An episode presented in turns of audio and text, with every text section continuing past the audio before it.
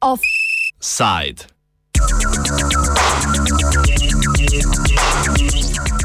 Demos z mrežo nad kracijo.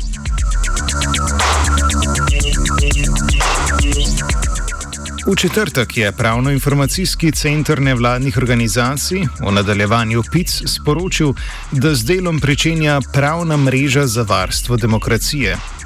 Pri delovanju pravne mreže poleg PIC-a sodelujejo tudi Zavod za kulturo in raznolikost, danes je nov dan, Inštitut za druga vprašanja, Amnesty International Slovenija, mreža pravnikov in odvetniških pisarn ter nekateri drugi posamezniki. Predstavniki PICA so javnost obvestili, da bodo v pravni mreži demokratično, odprto, svobodno in solidarno družbo varovali tudi s pravnimi mnenji, pozivi in stališči. Razloge za ustanovitev pravne mreže za varstvo demokracije podrobneje predstavi direktorica PICA Katarina Brvar Sternat.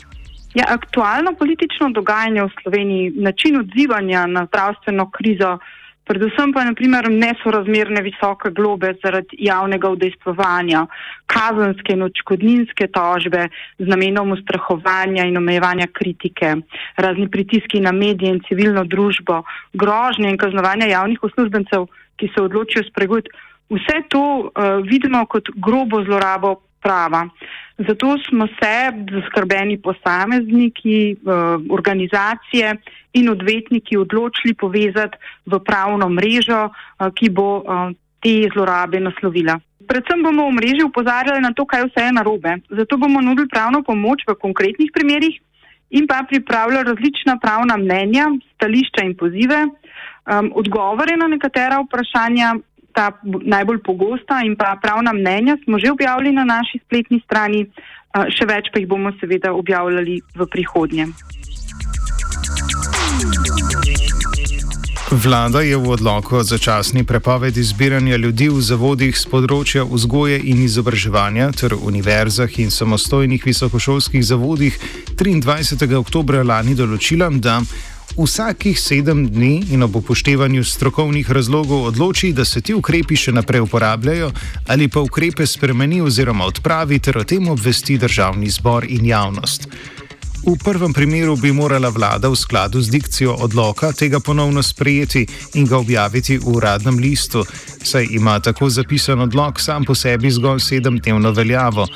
Vlada ga je skušala podaljšati s sprejetjem sklepa, kar pa v tem primeru ne zadostuje. Pojasni Pirnat. Odlok je praviloma predpis eh, vlade, neki primerov je tudi predpis državnega zbora, lahko, ampak to je redkeje, eh, s katerim pač vlada ureja določena vprašanja. Tukaj je pač vprašanje v zvezi z vrševanjem zakonov o eh, nalezljivih boleznih. Eh, in vlada ima seveda pooblastilo za izdajo odlokov. Na drugi strani je sklep običajno, kot temu pravniki rečemo, posamični akt. Torej, naj bi se nanašal na konkretno situacijo in na neko določeno osebo. Ampak ti sklepi pa niso bili taki in v tem je težava. Namreč sklep, ki je posamični akt, se ne objavlja v uradnem listu. Tak sklep, eh, to je recimo sklep v pravnem postopku, eh, se vroči stranki.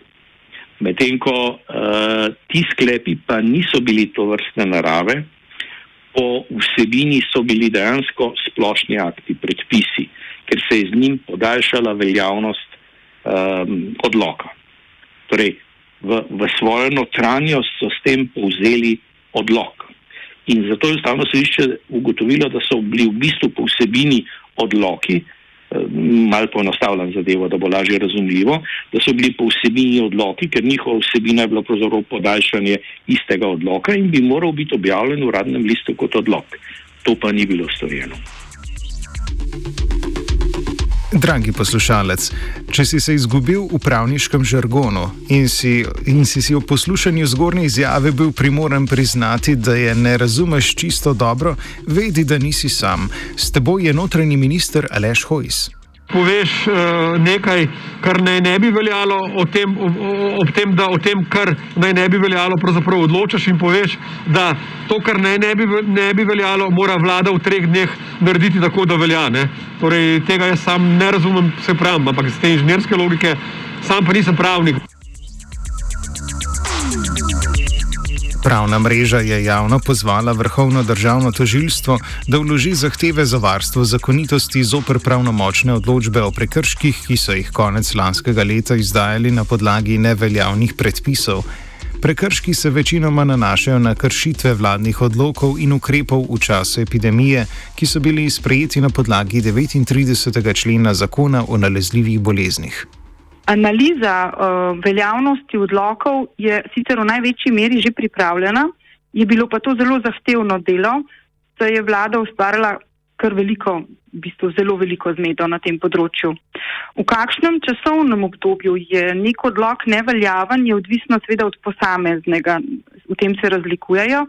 Um, zato je bilo treba prav vsakega posebej pregledati in um, upostaviti to njegovo časovno veljavnost. Um, mi smo to naredili zato, da seveda razumemo, um, kako bo potekalo naše delo. Um, vsekakor pa, če se bo javno, državno tožilstvo odzvalo na ta naš predlog, uh, bo to nekaj, kar bodo seveda uh, morali tudi sami narediti. Um, odgovora državnega tožilstva še nimamo, um, težko je seveda tudi napovedati, kako se bodo odločili. Ukolikor pa se ne bi um, odločili za pristop sistemski k temu uh, problemu, bodo seveda morali posamezniki uh, sami vlagati te zahteve, kar bo po naši oceni predvsej um, obremenilo sistem. Ustavno sodišče je 3. decembra lani ugotovilo, da takrat veljavni ukrepi, sprejeti kot sklepi vlade, niso bili objavljeni v uradnem listu oziroma niso bili podaljšani v ustreznem časovnem obdobju in so bili zato neveljavni. Posamezen odlog ima veljavnost bodi si 7, bodi si 14 dni. Vlada je po besedah Rajka Pirnata z pravne fakultete Univerze v Ljubljani dolžna vsakemu objavljenemu odloku dodati tudi pisno obrazložitev, česar pa ni storila. Več o tem Rajko Pirnat. No, zdaj, ustavno sodišče je presvojilo en konkreten odlog, um, ki je urejal prepoved zbiranja v uh, izobraževalnih institucijah. In uh, nek, nekaj sklepov, uh, s katerim je bila veljavnost tega odloka podaljšana, ki niso bili objavljeni v uradnem listu, in pa en sklep ministrice, ki tudi ni bil objavljen v uradnem listu. V glavnem je ugotovilo, da uh, ta odlok ni bil pravno veljavno podaljšan in da njegovo pravno učinkovanje po enem tednu, uh, ko je bil prvič, bi moral biti podaljšan, na način objave v uradnem listu, se to ni zgodilo. Uh, in da uh, pač ni veljavan od takrat naprej. To je relevanten del. Uh, Vsem se je še nekaj drugega odločeno, ampak to je tisto, kar je relevantno za, za ta primer prekrškov. Vlada je, sicer, je svoje delovanje sicer spremenila tako, da posamezne odloke ponovno objavlja. Pirnet pa trdi, da tudi to ni prav skladno z odločitvijo ustavnega sodišča. To je večje spremenila na način, da, eh, da ponovno objavlja odloke, kar v celotnem besedilu, kar sicer tudi ni prav skladno z um, odločitvijo ustavnega sodišča, ker more odločiti o podaljšanju in povedati ob tem, zakaj so vsi ukrepi podaljšani in to obrazložitev objaviti. Tega pa ni. Preprosto samo ponovno je objavljen odlog, mora biti s kakšnimi spremembami uh, in to je, uh, to je običajen način, kako zdaj ti uh, odloki torej imajo določeno veljavnost, bodi si en teden, bodi si 14 dni in potem uh, v tem času ali celo pred potekom tega časa ponovno objavijo tak malo drugačen odlog. Pravna mreža sicer še pričakuje odziv državnega tožilstva, ali se bo odločilo po uradni dožnosti zahtevati vračilo glob. Pirnat pravi, da bi bilo smiselno uveljaviti sistemsko ureditev vračila stroškov oškodovancem, ki so prejeli globo za kršitev odlokov, ki niso bili veljavni. Če do takšne sistemske ureditve ne bo prišlo, bodo morale prizadete osebe same vlagati potrebna pravna sredstva in odškodninske zahtevke. Seveda najbolj enostavno je takrat, ko lahko uporabijo uh, določena pravna sredstva. Tu gre zlasti za zahtevo uh, za varstvo zakonitosti. Uh, to je neko posebno izredno pravno sredstvo v postopku za prekršek, uh, s katero je, jaz mislim, zelo verjetno mogoče uh, doseči uh, odpravo odločbe o prekršku in potem zahtevati uh, vračilo. Uh, primeru kršitve odloka o prepovedi zbiranja, ampak teh po moje niti ni prekrško bilo, torej zbiranja v, v izobraževalnih institucijah, bi bilo mogoče tudi neko posebno pravno sredstvo iz zakona o ustavnem sodišču uporabiti, ampak teh po moje ni bilo veliko. Torej tisto, kar želim povedati, je, so pravne poti m, zamotane. Uh, jaz mislim, da je zelo pametno, da si poiščejo oškodovanci pravno pomoč. Se lahko uveljavljajo potem na koncu povrnitev te uh, stroškov, te pravne pomoči. Je pa res, da jaz mislim, da bi bilo pošteno, da bi uh, država sprejela neko posebno ureditev uh, povrnitve teh uh, glob, ki so bile plačane ali izterjane.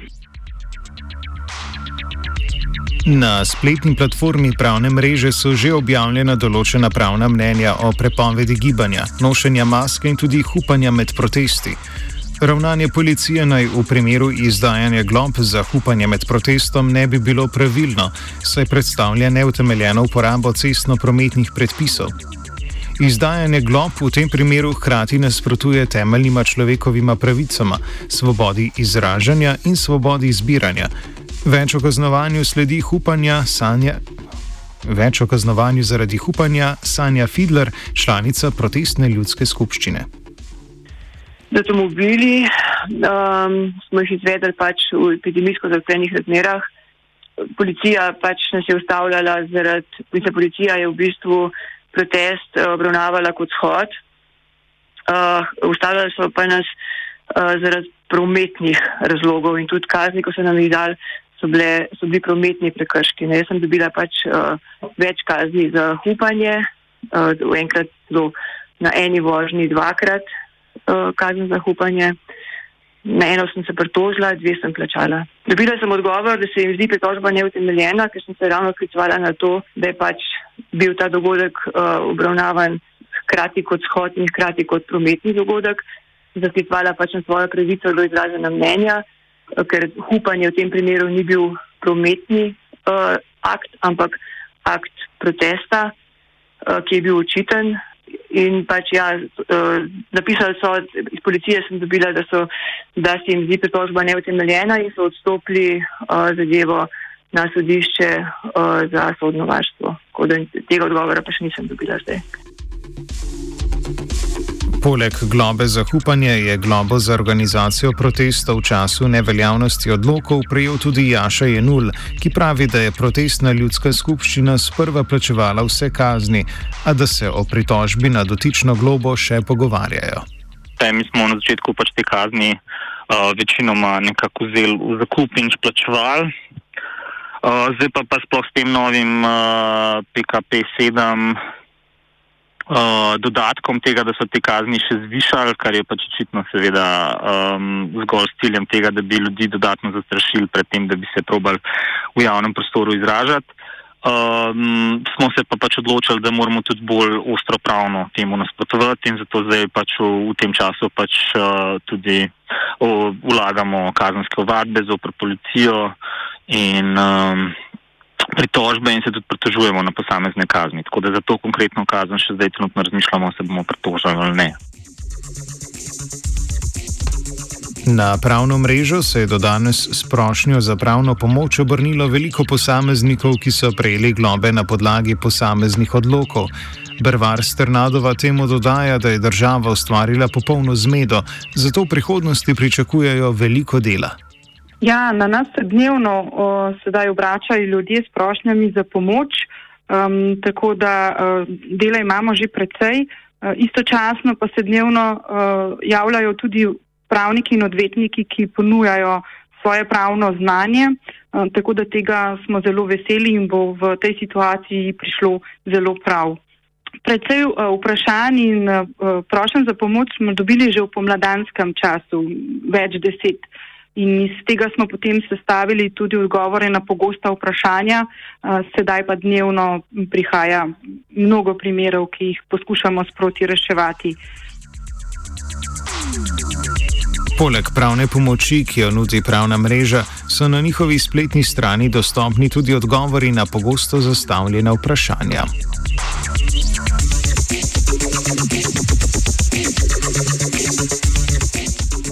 Offside je logično inženirala vajenka Sara, pomagal ji je Svetina.